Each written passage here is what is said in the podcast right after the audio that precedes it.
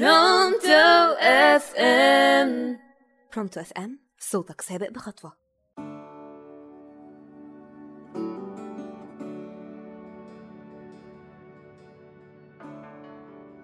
يا صباح الجمال أو مساء الجمال على حسب ما بتسمعوني. يا رب تكونوا بخير ويومكم جميل زيكم.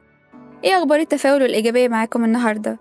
هو طبعا مش كل وقت وكل يوم هنحس نفس الشعور بس الأهم إن كل صعب بيمر ويعدي مع الوقت وكأنه ما حصلش.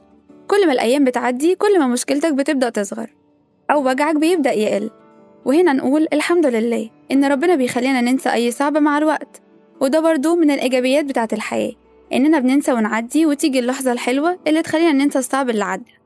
يعني الإيجابية برضو موجودة في الشخص المتسامح اللي عنده يقين إن بعد الصعب ده في لحظات حلوة والصعب بكرة هيبقى سهل.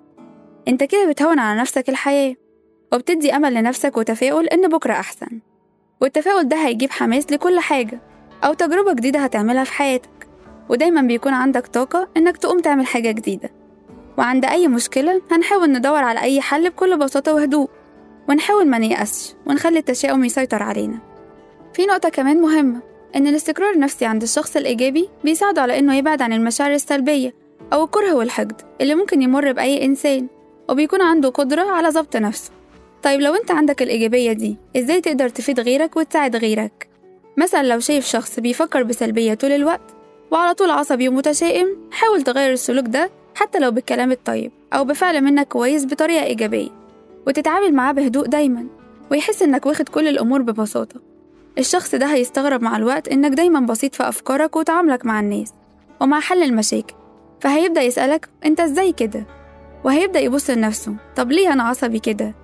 ويبدأ يعالج نفسه حتى لو بالاعتراف إنه عاوز يتغير للأحسن. طب إيه تاني نقدر نعمله؟ لو شايفين حد عنده طموح وأهداف بس محبط وما عندوش أمل إن أهدافه تتحقق نشجعه. نشجعه إنه يستمر وإن مهما قام ووقع ده مش وحش. بالعكس كل ما بتحاول تعمل حاجة وتفشل فيها بتتعلم منها. عشان لما تقوم تاني تتفادى الأخطاء اللي وقعت فيها قبل كده. في بقى حد هيقولي أنا كل شوية وبقوم وبقع ومفيش فايدة. هقولك مهما تقع بتتعلم حاجة جديدة في كل مرة. بس ممكن تكون مش بتاخد بالك من أخطائك في كل مرة فبتكررها في اللي بعدها. فلازم لما نفشل في حاجة نشوف إيه سبب الفشل ده ونكتبه في ورقة. عشان لما نقرر نعمل حاجة تاني نحط الخطأ ده قدامنا ونحاول ما نكرروش تاني. وفي نهاية حلقتنا أتمنى أكون فدتكم وأتمنى إن الابتسامة متفرقش وشنا ونحاول نصنع الحياة الإيجابية في يومنا وحياتنا. كان معاكم إسراء خالد من برنامج اصنع حياتك بإيجابية من راديو برونتو إف إم.